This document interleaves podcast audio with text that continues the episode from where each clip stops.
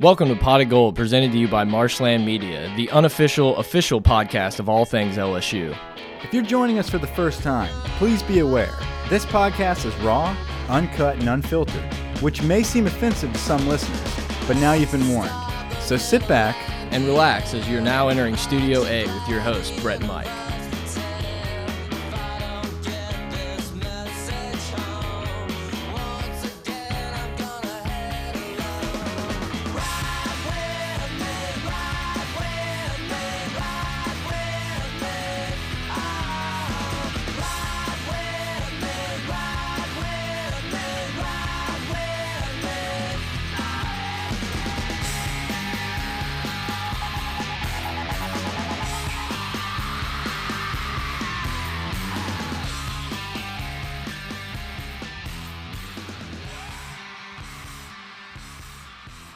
Everybody, Pot of Gold, welcome back. I'm Brett. I'm here with Mike. We just finished watching Clemson, Alabama last night. We have LSU playing UCF in a couple days, and I guess it's time for the last pregame pod of the season. Mike, what's going on? Hey man, I'm doing well. Uh, just hanging out here. Uh, just finished up, like you said, man, watching Alabama and Clemson uh, prepare or dominate their opponents in preparation for the inevitable national championship game between what has turned into the biggest juggernauts of the modern era. Um, and let's not get ahead of ourselves here and put Clemson in the same category as Bama because they haven't really accomplished the championship run they have, but there's no one else close. So uh, yeah, they, I mean, they Clemson is. Yeah, you can say Clemson's not on Alabama's level, but at the same time, there's no one on Clemson's level, so it kind of puts them at the same. Yeah, absolutely, man. Um, and, and and they're very dominant up front. They have two excellent quarterbacks. I mean, enough can't be said about what Trevor Lawrence has done, stepping up as a freshman, coming in here, taking the job from Kelly Bryant, and uh, leading this team all the way to the national championship. It just shows you what Dabo has built there is something that um, just restores itself. You know, there's no The rebuild, man. It's reloading. Yeah. So. Um, And what a terrible, terrible day for Notre Dame. Yeah, man, and and you know, going into that, and, and those listening, you know, you guys listened to our last pod, and I said it would be a, a, a back and forth type of game. I, I just, I really thought that some of those opponents that they played and the way they played throughout the season led me to believe that this was that Notre Dame team that wasn't the fluke. But it looks like uh, they really weren't that good. I mean, I know Clemson is a very dominant team, and I don't want to take anything away from Clemson. They're they're great. Um, it's you know it's it's Alabama, it's the SEC in Clemson, and then it's everybody else. Uh, Notre Dame just looked completely outmatched in this game. I mean, it wasn't even it wasn't even fun to watch. And every once in a while they'd complete a quick first down or two and you'd be like, "Okay, they settled in, like we're going to we're going to do this." And no, Clemson's D had complete other issues. Book was average at best. They couldn't run the ball at all. He was I shook, mean, man. It was Every time Book got pressure, he would scramble around. He'd make a terrible decision. Um, he looked like he hasn't played in a stage that big, and, and it, it showed.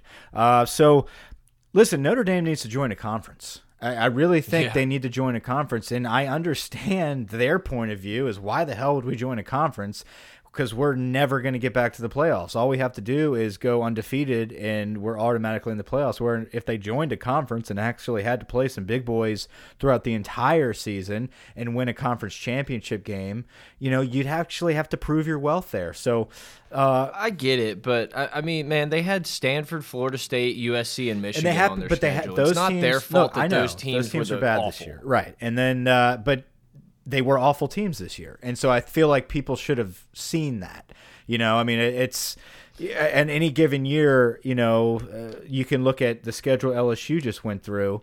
Uh, those some of the down teams, I guess you could say, on our schedule, we don't get that benefit of the doubt, though. You know, it's it's Yep. just the way it is. Like, oh, Ole Miss is awful this year, where couple years ago they were, you know, going into the playoffs whenever the playoffs first started. Not that Ole Miss went to the playoffs, but you catch my drift here. There's teams that that come and go. Notre Dame doesn't get that that pass, you know, or they automatically get that pass if the team isn't that good. So I don't know. I think they should if if Notre Dame is ever allowed to be back in the playoffs without being in a conference, I think that's just kind of a joke. Unless, like you said, some of the teams they play, unless they're really good. If Stanford's good, if Florida State is back to where they used to be and they beat those teams, uh, Michigan fell off. My Michigan love fest is over. Jim Harbaugh is a flop.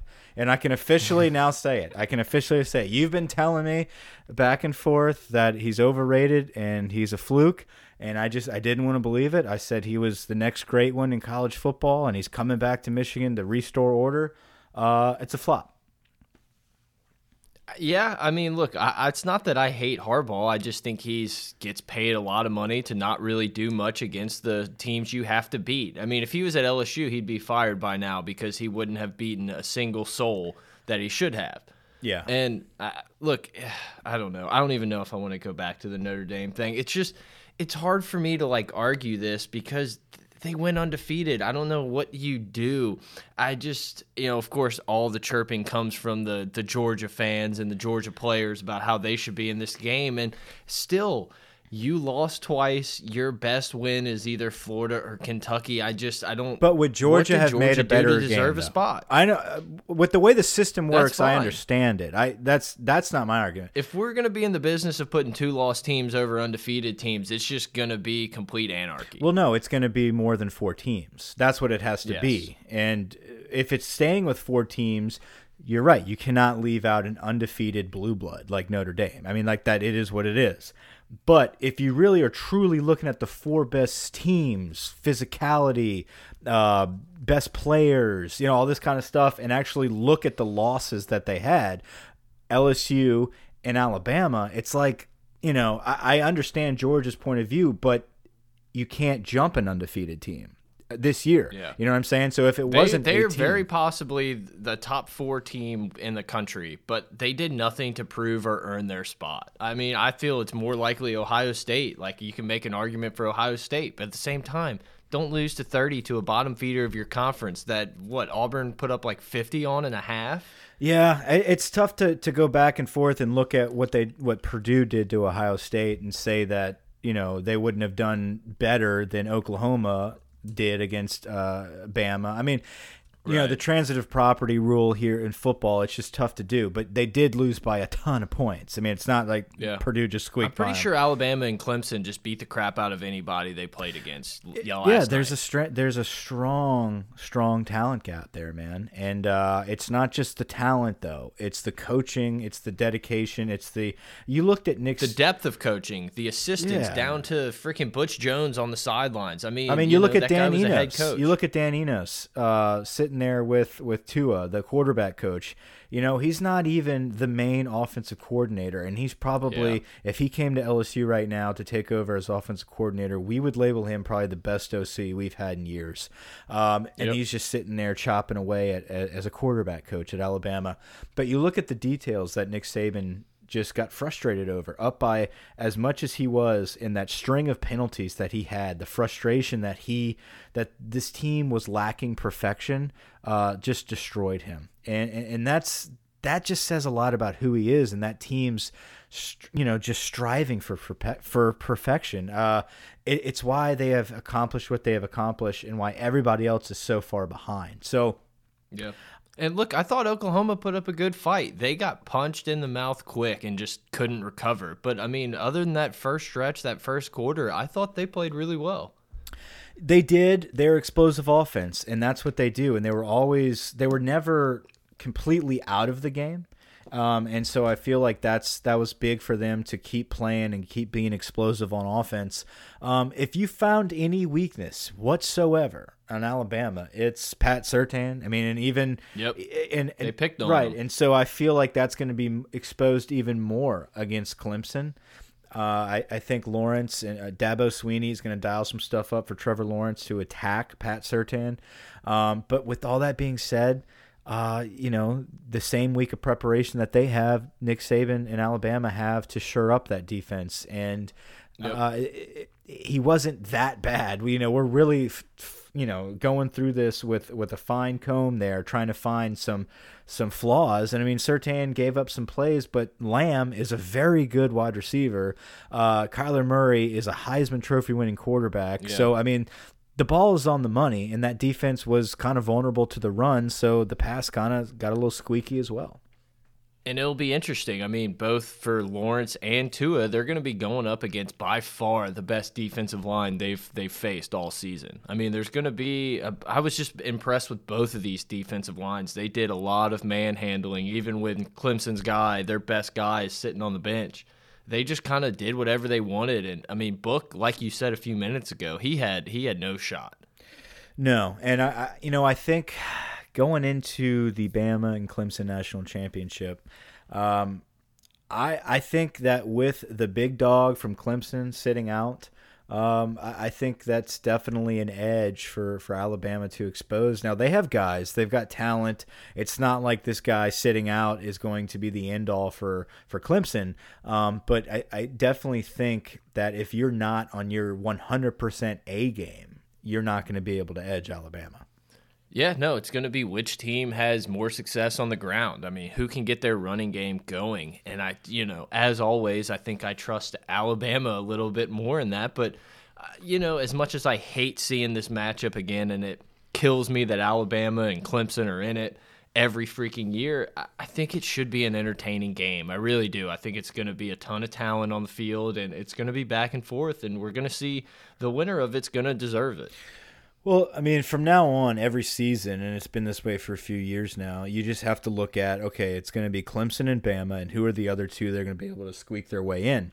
Um, and, uh, you know, if you have to find a silver lining here to get excited about college football because you know the inevitable is going to be Clemson and Bama every year, um, it's, it's this new uh, legendary matchup that we're going to look back on years from now and say, man, the Dabo versus Nick Saban uh, rivalry there was very entertaining to watch because it wasn't just thoroughly dominated by Alabama. You had this team yep. in Clemson that was not an SEC team um, that was able to rise to the occasion and actually be very competitive with uh, one of the all-time, if not the all-time greatest football programs uh, ever. You know, with the greatest coach. So uh, that is exciting to be a part of that right now in this day and age and, and to watch it. It just is very unfortunate as an LSU fan that the juggernaut is in your division and the only way to rise to where they are is to beat them.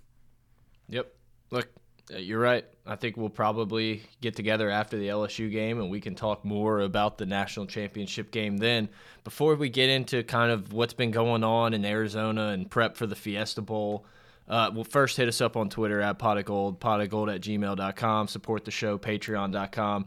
Everybody on Twitter, all the emails and stuff. Like, thank you guys. We appreciate it. I don't know if we have a new review Mike wants to read or not. No reviews right now. I didn't check. If you keep talking, we didn't check. We have them. Yeah, no, we have them. But I was just going to say, you know, we can go back to the review if it comes to it. But, you know, big news out of Miami this morning and also in Texas. You have Major Applewhite is uh, gone from Houston, and Mark Richt just kind of steps down without, you know, in the cloak of darkness at Miami this morning. interesting stuff. I mean, I don't know. The rumors for Houston is Dana Holgorsen's going to leave West Virginia and go to Houston.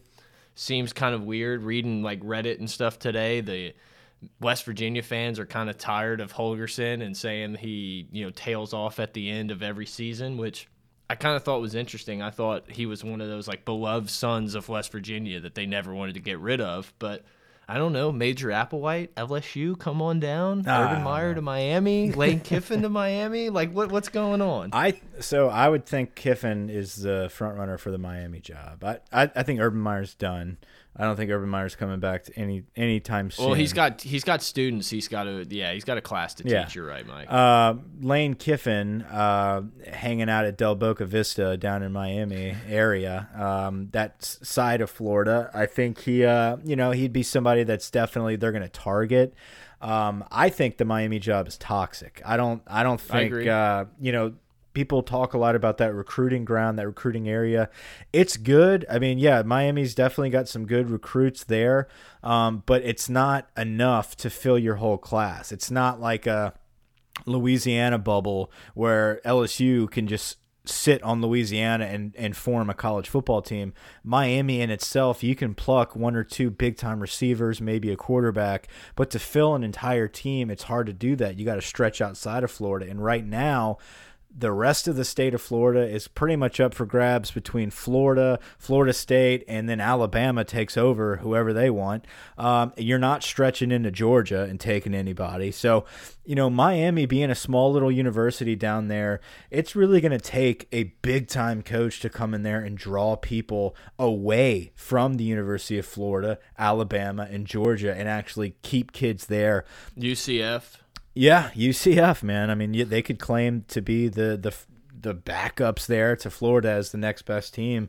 Um, I mean, it's just kind of crazy. I mean, they kind of just let Manny Diaz roll out the temple, and actually, I just did some googling, and it looks like there's rumors Diaz was uh, back on Miami's campus today after the news of the Richt firing. Who knows if that's true or not? Hmm. But it's just weird, man. It was like I'm coming home two years later. It's like eh, I don't want to be home anymore, guys. I'm just gonna leave. I don't. Yeah, I don't. Miami is just not the place that everybody dreamt of as a kid, like how it used to be. You know, I, I uh, it's it's really doesn't have that draw like it used to be. That you really have to build it. You can't just sit on Miami and have all these resources like it was at one time. Yeah. So, and I think you're also lacking with crappy facilities yeah, and, and things along those lines, where the you know it's top notch in college football these days. Mm -hmm.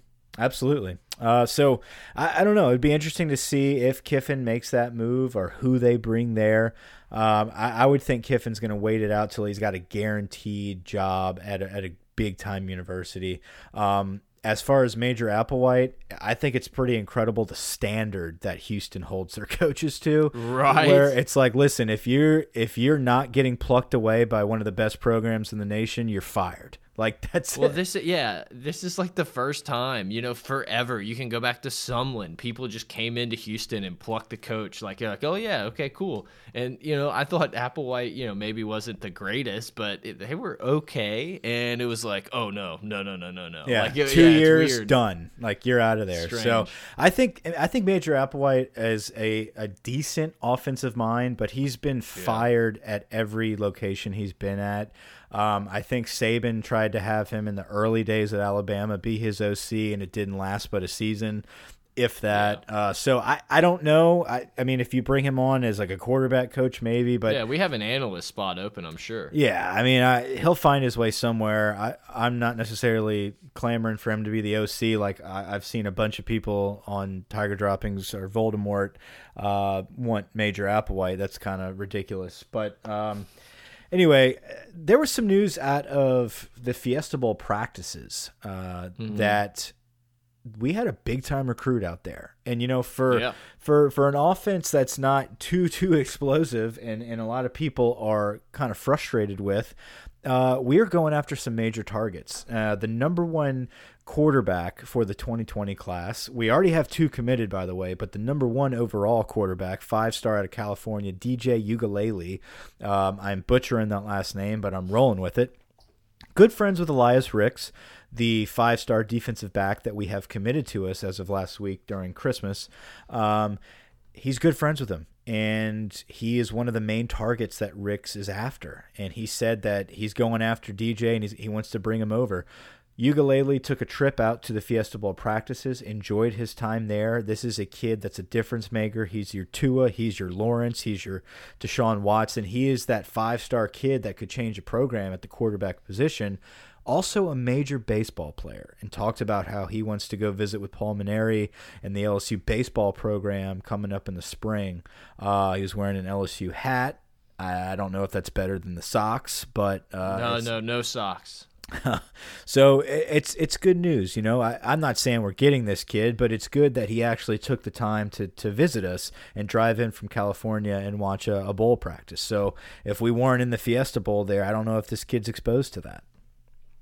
Yeah, I mean, we've been doing a really good job of recruiting guys, and I think it was even after we stopped recording last time, we kind of started talking about recruiting in 2020 and how you know it'd be nice if we can hold on to these guys. And man, the way the schedule sets up next year, you would think LSU's going to have a pretty pretty favorable year and give these kids no reason not to want to stick with LSU. Absolutely. You know, defensively, we've always been dominant in recruiting, especially at defensive back.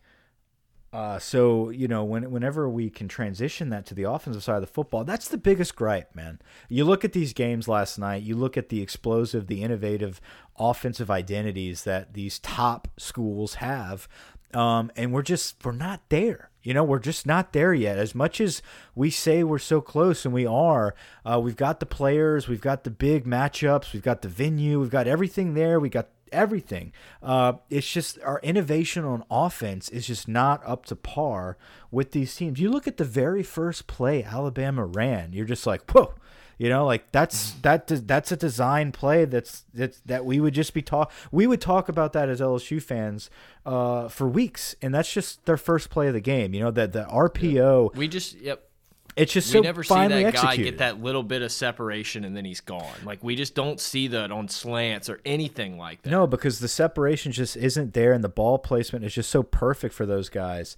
Uh, it, it's just rare for us to find that, and and until we we do that, I don't see us breaking into that top four. And if we are in that top four, which I, I think we do next season have a chance to make the playoffs, I just I, I don't see us ever winning the national championship until we actually cross that hump, that hurdle of being modern in offense. Yeah, no, I mean, unless our defense comes out next year and just is the iron gate of all defenses, I, I agree. You have to be able to score points to keep up with these guys like Lawrence and Tua, and, and you know, and the Oklahomas of the world. Like, almost everyone can score points. If you can't score points, you're just left behind. Yeah, and I, I think we have an opportunity to do that next season. Uh, but I just I, I think there's teams out there that can score a little bit more than us. Yeah, and that and that's an issue. You know, you got to be innovative. So hopefully we have some innovation going into next season with a lot of good players returning. But let's focus on ending this year right, ending this year correctly. You know, I was I was looking at uh, kind of the top 25 right now for the final weeks. Now that it's it's kind of all but said and done, uh, you know, it's it's Clemson and Alabama playing for the national championship. I think Alabama is is going to win the national championship. I don't, I don't know what your mindset is right now. I think Clemson will keep it close, but I, I've I've pretty much got my money all on Bama. Uh, what do you say? Yeah, I mean, I, I just always feel dumb when I go against Nick Saban. I feel like I've said that like a broken record. I think this is a game that Clemson can 100% win. But if you tell me, you know, make a pick, I'm taking taking Right. Saban and Bama. Yeah. So so looking at that, um, if you're looking into next season, you know that I mean Tua's coming back, Lawrence is coming back. You got Two spots are already locked yeah, up you, for next you year's got playoff. Dabo's not going anywhere. Saban's not going anywhere. So there it is. You got one and two. You got Bama and Clemson. Um, you got Jake Fromm coming back with what was this year was their quote unquote rebuilding year. So they're going to return a ton of guys next year, all of their running backs. And like we said, Fromm, I think they sit there at number three. Um, I, depending on what Fields does, if he goes to Oklahoma, you could have a battle there uh, between Ohio State and Oklahoma, Dwayne Haskins in Ohio State or Justin Fields in Oklahoma. My point in saying all this is look Well, Haskins probably going to go to the draft though. this year. Yeah, I think so. I mean, he's probably going to, especially with the Oregon kid coming out. He's he would probably be the first quarterback taken. Oh, but I, we'll thought, see. I thought he was a sophomore. Um, no, I think I'm pretty sure he can leave. okay, McShay's all over him on the draft boards. gotcha. Okay, well that changes things. So I, I Tate Martell time. Right, we'll see. We'll see. They've got guys, uh, but my point is, it's quarterback-driven league, and, and Right. you know your top guys, your top four or five is already kind of slated there for you because of the type of offenses they run.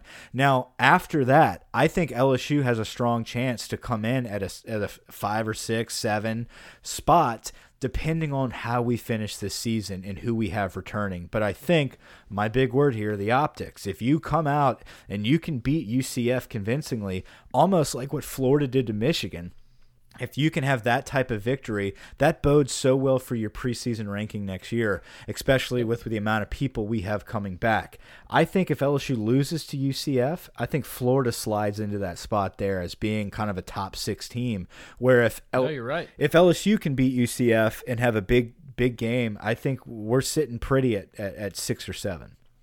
No, look, yeah, I completely agree. Win this game with all the stuff we got coming back who knows what's going to happen with Devin White, but you, you, know, you're sitting there top eight for sure. You lose this game, I'm thinking, you know, 15 is probably what they're going to rank you going into the season. And, mm -hmm. you know, maybe that would be a fair ranking. And team lost four games, you know?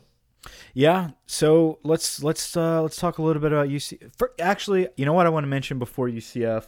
Uh, I don't know if anyone saw the news on Matt Branch, uh, but that's a, a Tiger that was uh, played in the 08, 09, 2010 era. That little, I know he was there when we first got there, when we first yeah. got to school. Um, I was reading uh, online uh, that he had a terrible uh, hunting accident. Um, bad, bad situation there.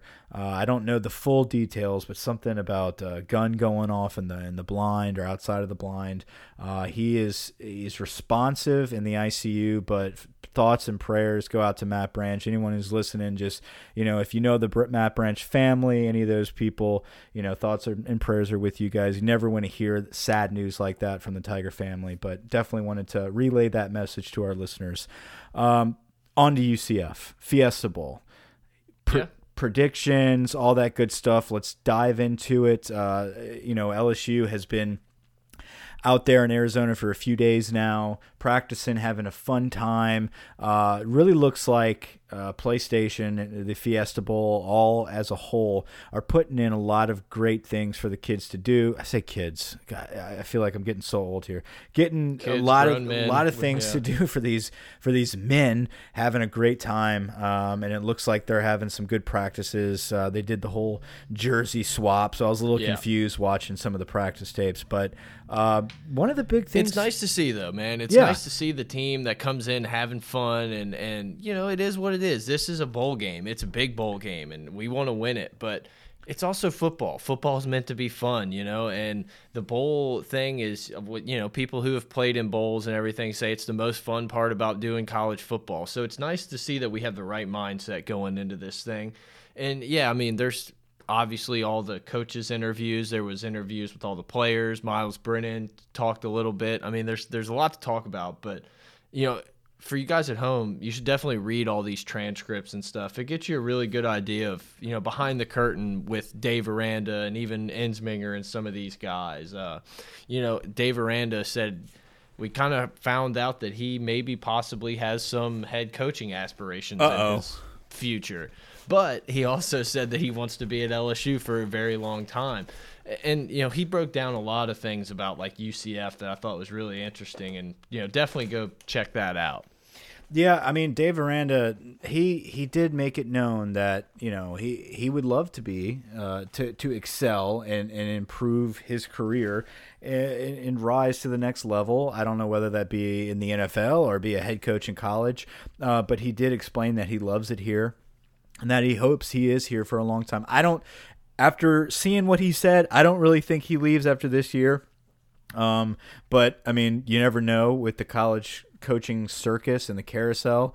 Uh, someone could make an attractive offer to him um, and and he could take off on us. But you know, you look at a guy like a Brent Venables who has been steady at Clemson for years as a defensive coordinator and mm -hmm. has mm-hmm. really become uh, a staple of their defense. I mean, there's a reason why they are as successful as they are. And it's not just Dabo Swinney in the offense; it's Brent Venables being consistent yep. on that defense. So if we can have that with Dave Aranda for a few more years, that would bode really well with some continuity and some great recruiting classes. Yeah, you know you're a good coordinator when you have your own get back guy. I'd like a get back guy. Uh, yeah, we I could be your get back guy. Get back, Mike. Mike, Mike, come on, get back. That's it's a good one.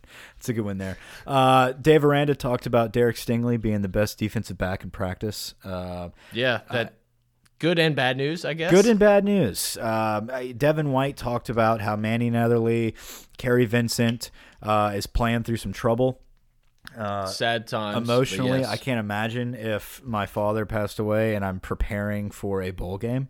Uh, that other people are taking off and saying, ah, "It's not worth my time to play in the bowl game." Like you have to evaluate yourself and be like, "Is it worth my time right now?" You know, I mean Yeah. that that's got to be tough to do. Uh, but he's playing through it and he's motivated and he wants to prove. Um, I, you know, he's got that internal motivation right now uh, to really go out and, and play a hard fought football game for his father. So um, that's got to be tough there. But I believe in Kary Vincent. I think he's a stand up kid and he's a very good athlete. So um, I think we're going to be okay with him on the corner. The other corner is is up in the air. You know, you've got Terrence Alexander, you've got uh, Mannie Netherly, and Jontre Kirklin has moved back over there. I hear you will see uh, the mysterious Eric Monroe playing this game. Yes, So we'll finally see number 30. believe it when I see it. You know, I really want to know what actually happened though with Eric Monroe. That that's a guy that I think him and him and Delpit would have been the one-two punch. I don't think you really would have seen a lot of battle if Eric Monroe was a full go. No, I'm with you. Look, man, I mean, he's a guy that we thought was going to play early and often, but hopefully we get a chance to see him. A guy that I think is going to play really or play big in this bowl game is Jacoby Stevens. Yeah. Dude has been coming along great towards the end of the season, and it seems like now when he has a little bit more responsibility and really, hey, no one's coming to get you. We're just going to kind of put you out there. I think he's going to rise to the occasion. I think he's going to be a big time player for us going into next season. Jacoby Stevens is going to be playing a lot. Uh, hopefully, Eric Monroe, like they talk about. I think Delpit's going to have a big game because he's going to have to step up in that defensive backfield that's so depleted with the loss of Fulton, uh, with the loss of Greedy Williams. Kelvin Joseph did not make the trip due to suspension. Um, you are depleted at defensive back, but like they say, we reload at DBU. So uh, we'll see what we can have as far as our the, these guys that are going to be playing defensive back for us are truly our backups. They this is a depleted defensive Yep. backfield that I think with the amount of weeks we've had to prepare for this game, I think we're going to be okay, but we will give up some some some plays here. Um, Well, and Aranda and company have had time to prepare for this. It's not like we had three guys come down with a sickness yesterday and we're like, oh, what do we do? You know, for most of this bowl, we've known that Greedy and Fulton are going to be out. The Joseph thing definitely hurts. I don't know if it was known about internally for a long time. I don't think not. so because he. Um, I saw I some stuff with him on Instagram and Twitter. I, I think it was more of a shock to him as well. Yeah, look, I, I mean, I'm kind of with you. I feel like it was maybe a surprise to, to everybody, but guys are just to have to step up. And our boy Tyler Shelvin's apparently at a slim, trim 350 pounds. I wish someone would describe me that way. I, I will never, and I would never be 350. But I remember my biggest days of all time, like when I was in my playing days, when I got up to like 250. Uh, I was never slim. I was never considered a slim 250. So um, after I lost like 50 pounds, people considered me slim. But uh, Tyler Shelvin, a slim 350. I like it. I think a big, quick kid. I think he needed to be quicker. Those those defensive tackles that we have that are big sloppies. I don't like that. I don't think the game is that way anymore. You can't you can't just be Yeah. a run stuffer. You got to be able to to get past the line of scrimmage and, and have pressure on this quarterback quickly. Um, and and so the leaner you are, the better. Um, so that that is good news. Um, I, I think Devin White talked about uh, having a strong rotation at the linebacker position next to him in absence of Jacob Phillips for the first half of this football game. Um, he says that you know they've been working a lot of guys and someone's going to step up and have a good game, um, but they're rotating a lot of guys there right now. So that's going to be exciting to see uh, who actually breaks through. You know, a lot of people probably think it's going to be Patrick Queen because history tells us that's who we've been playing whenever any of those linebackers go down. But you still have Baskerville. You've got Damone Clark that could come in and not have to worry about burning a red shirt now. So we'll see. Yeah, they've been kind of hush about it too. They've been like very like we're not real willing to say who's going to play that linebacker spot. So I don't know if that means maybe they're going to play a guy like Clark that they just haven't really wanted to talk about, or if it's just you know coaches well, it's being not, coaches. And, and it's a good point you say that though. You know, if you look at what Devin White said and how he said it, he you know, against A and M, um, whenever uh, was it he got out, Phillips got out against A and M. I guess what one of the earlier overtimes. Yeah, I was gonna say it was either at the yeah it had yeah, to be over. Uh, but you saw Queen and Baskerville both come in, and it's like okay, those are the guys. And you saw whenever Devin White Yeah. got out against Mississippi State, it was Queen that came in, and Queen prepared for Alabama. But when Devin White was talking about this game, it was like whoever comes in there, um, you know, we've got a few guys. Yeah. It's like if it was Queen. He'd be saying, you know, me and Patrick Queen. You would right. think so. I don't know. Maybe you Yeah. were going to see some Damone Clark. I don't know, but I do think Aranda, uh, you know, he made it a point to discuss that he learned a lot from that A and M loss, and that he had a lot of Yeah. issues to work through, and that it actually helped him game plan and prepare for this UCF offense. So I think we're going to see some different stuff. We always have every bowl game since we've had Dave Aranda, we've seen some creativity. So uh, I think we're going to have a unique defensive game plan, especially uh, going against an offense as explosive as UCF, and that puts up a lot of points. Offensively, They're gonna test our guys. offensively, I really think that that slinger, that Steve Ensminger, is is building something for us. Um, I have heard, I have read, I have seen through some of his interviews. Uh, he's talking very highly of the young wide receivers that it's finally clicking and Yeah. they're able to move around and not just be stuck at one position, and that these bowl practices have helped them develop a little more confidence at other positions, except for just you know Marshall's not just sticking at the X position, and Ja'Marr Chase isn't just staying at the Y or whatever or the Z, whatever he's specified at in the depth chart. They're finally able to learn some of the plays at the other positions and be a little more versatile. So I think you're going to see a little more creativity there on offense going into this game. I hope so. I just remember we we did this podcast just about a year ago and said that we were going to see the most innovative Matt Canada offense we've seen all season. Didn't work out. You talking about the bowl game? I'm with you. Uh, Matt Canada Yeah. was gone, man. I think he wanted to shoot Ed and get the hell out of there. I don't think he was worried about that. But yeah, I, Yeah, I- but we've no, been look, praying I for agree. innovation for years. I know. These wide receivers, I mean, look, I'm not trying to knock them. They're young players and they're growing and stuff, but uh, you know, you have to kind of live up to your five star rating and come in and be able to make plays. We've seen flashes of both of those guys, Marshall and Chase, of being like, oh, these dudes can be really good. But we've also they've also disappeared on us. You know, they went MIA a lot of the times. I think they combined for 29 receptions this year between the two of them eventually someone's going to have to break out. I mean, one of these guys are too talented to just kind of be sitting there with one or two catches a game. Absolutely, man. And um, you know, I I think this UCF defense though is pretty awful. They they're they're a pretty bad defense. They're one of the worst defenses that we're facing all season. Their offense really is what makes them excel. I mean, they play in a very crappy conference, so it's not like they're playing against a ton of great competition. But when you have such an explosive offense like they do, they can put up a ton of points. They don't have to play a ton of defense, um, and just I want to see us bully people on the line. well, that's well, I once, th- Mike. that's, what, I wanna think see. we're going to see. I really think that it's going to be an offensive surprise to a lot of people. That we're going to come out there, our offensive linemen are going to be dominant. Um, we're gonna we're gonna run over some people. I, Clyde Edwards-Helaire after the uh, the incident, he was cleared of all charges. By the way, it was a self defense charge uh, situation. Uh, he was cleared. He is playing. Uh, he seems to be in good spirits, and uh, I think he's trying to put this behind him. Coach O is putting this behind him.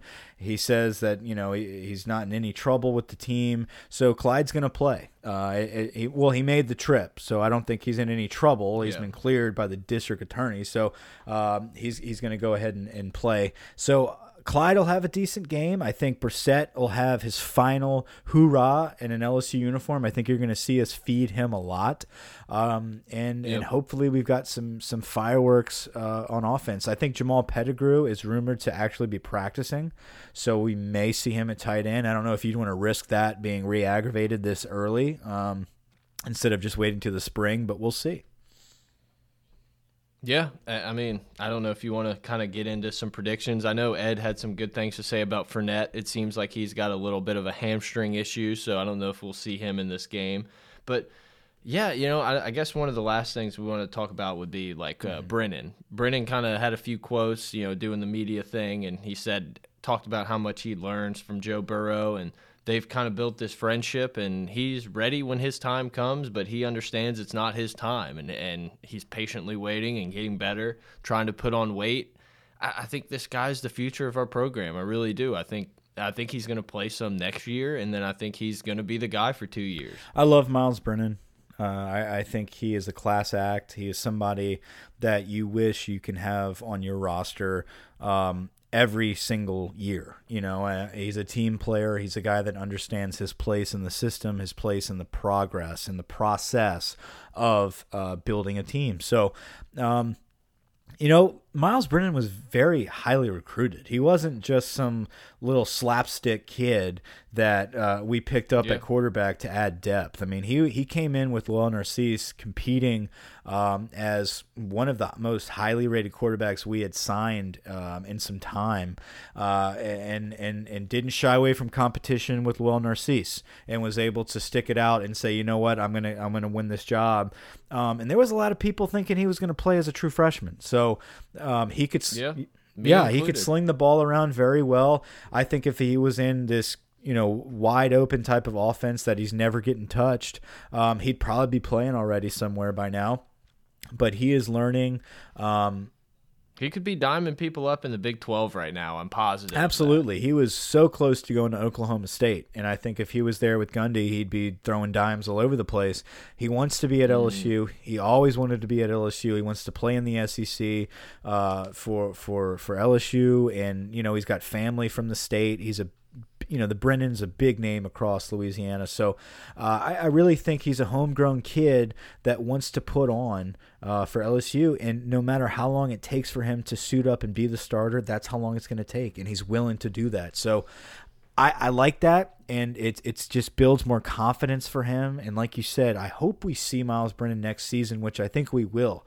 He'll hopefully he'll gain a little weight in the offseason. He'll come in. He'll be a one-two punch with Burrow. If Burrow needs to to rest, you are confident in bringing in a Myles Brennan, giving him more reps for when he does take over, when Burrow does leave after next season. You've got a seasoned guy that knows these players in and out, and uh, he'll have two years to play.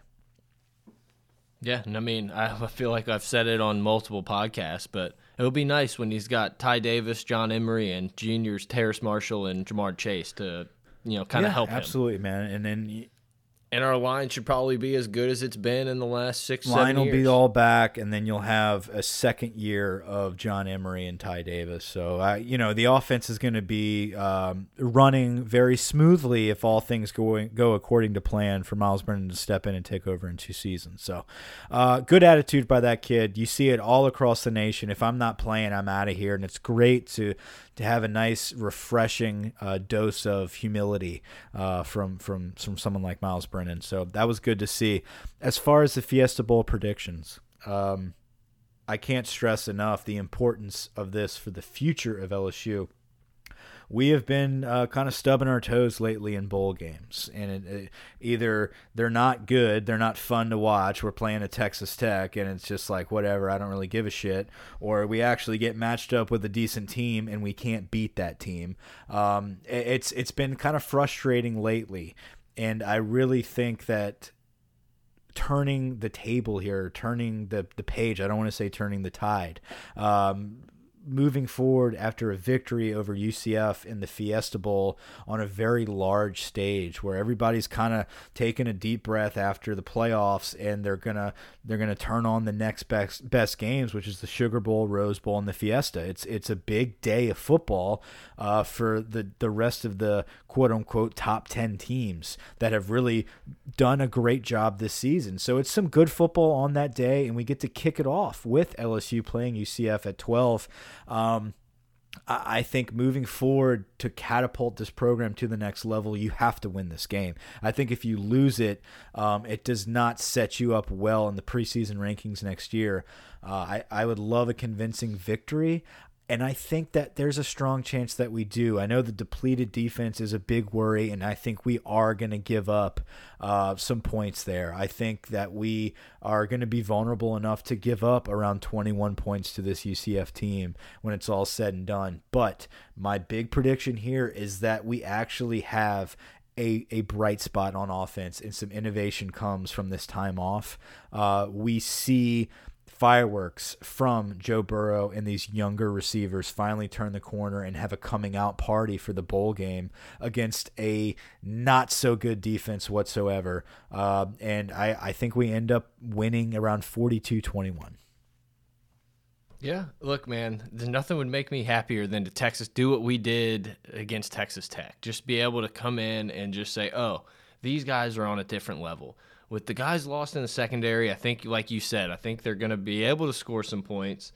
I hope and I think LSU's really going to be able to dominate the line of scrimmage, get the run game going, which is going to open up a lot of the play action passes and stuff that we've really wanted to do, but maybe haven't been able to throughout the season. I see this game as 38 21. I mean, it's very similar to you. I could also see us going in and being in a complete dogfight with these guys and being like, oh, but you know, same old LSU. What do we what did we expect? But I, I really do. I think we're going to be able to do some things on the line of scrimmage. I think Dave Aranda is going to have a good game plan schemed up for these guys, and I, I think it's in that 38 21, 38 24 type of range where – you know they're going to get a couple scores, but LSU is going to maybe keep their distance throughout the game. Yeah, hopefully. no, I, yeah, I, I, that exactly. That's a good way to put it. That's what I want to see. Uh, I'm, I'm making that prediction because that's that is best case scenario. I think with the depleted defense, they will give up points, but best case scenario is uh, we score a lot, and you know their defense is not great, and we've had all this time to prepare. We do have a good quarterback. We do have good receivers.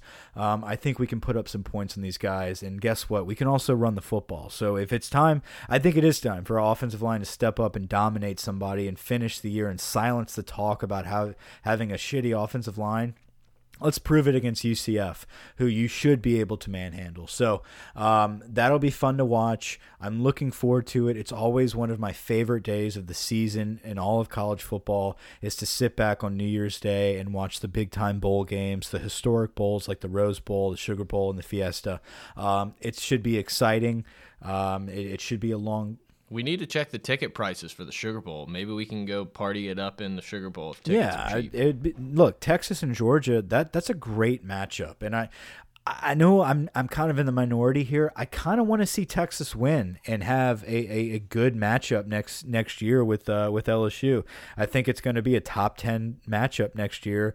Uh, Texas versus LSU early in the season. Um, I know a lot of people don't want Texas to get rejuvenated, but it's just it's inevitable at this point. I think Tom Herman's gonna gonna have Texas come back, and you might as well do it now whenever LSU's playing them um, and catapult us up in the rankings. Yeah, offensive defensive players of the game who's the impact um, you know i'm i'm gonna go with the with a traditional one here um i i really think with Jacob Phillips being out, Devin White's going to have to really play for two spots there, and he's going to be all over the field. Um, this is a quarterback for UCF that can get rattled. He is a freshman and he is a backup. He did well against Memphis, uh, but we're not Memphis. And, uh, you know, yep. I, I, think our defensive line gets some pressure, opens holes for a uh, an all out attack, uh, a blitz, a blitzing package that Dave Aranda is going to develop for this team uh, that's going to expose a lot of deficiencies in UCF's pass protection. I do think that Devin White's going to be one of those guys taking advantage of that. So um, I'm going to be kind of traditional here and say Devin White on defense. But if I had to go someone other than Devin White, um, I think it's going to be uh, if if Eric Monroe is healthy and playing, I would love to see Eric Monroe have a coming out party. Just having not played yeah. all season and and stepping up there on that depleted defensive backfield, actually having to step up and be kind of that rover safety all over the field.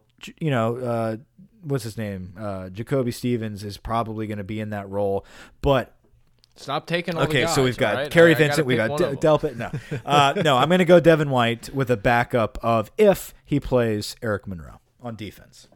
Yeah, uh, and I mean, I talked about him earlier. I think Jacoby Stevens. This is going to be a game where he's going to play in the back some. He's going to be playing at linebacker, and I've just really liked the small sample size we've seen of this dude. Yeah, he's gotten beat a couple times in coverage this year, but everyone does, and I just really I don't know if it's the number three. I don't know what it is about him, but I want him to be the guy like so badly that I think I'm just gonna wish it and start picking him every week to be the player of the game, and hopefully Like he Derek turns Dillon. into that like Delpit Yeah. 2.0. Yeah, Derek Dillon. What about on offense? Uh, offensively, uh, offensively, I um, I'd love to see Terrace Marshall blow up this game. I, Yeah. I'd love for him to be uh, the the playmaker that he is. I think Ja'Marr Chase is another guy that uh, Steve Ensminger's talking about. These young receivers, he's talking about those two. Um, I think Marshall is a little more developed as far as his all around game. Uh, so if I'm looking for a coming out party on offense and, and, and taking over as some big time touchdowns, uh, I'm going to go Terrace Marshall. Yeah, look, I'm gonna pick Foster Moreau. It's his last game as a Tiger. Ensminger's the tight ends guy, a guy who's done everything you could ever ask for at LSU. I think they're gonna dial up, and they started doing it really in that A and M game where they started doing those little five, six, seven yard hitches to the tight end to just kind of move the chains. I think that they probably think that they're going to be able to do things like that against UCF. So I think Foster is going to be a huge part of the offense, blocking and receiving. I- I'd love for it to be a guy like Ja'Marr Chase or Terrace Marshall or even Jefferson, but I I think Foster's going to have a pretty big Yeah, game. Foster Moreau, man, it's going to be sad to see that leader go.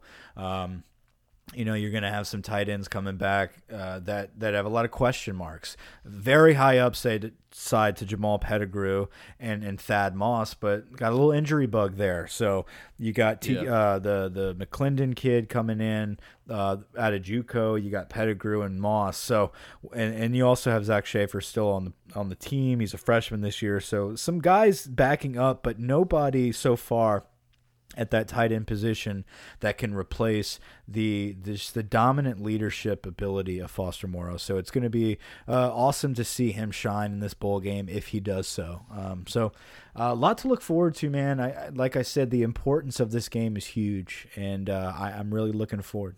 Turning point of Ed Orgeron's tenure. It's the fork in the road of the entire program. I agree. Yeah, and no, it really. As far as listen, if you're looking at like an Ed Orgeron view of it, of of if things could go wrong and things could go right, I think if you finish this year with the UCF win, your your trajectory is up. I think if you finish it Yep. with a loss, you're kind of just like, what did we do this season?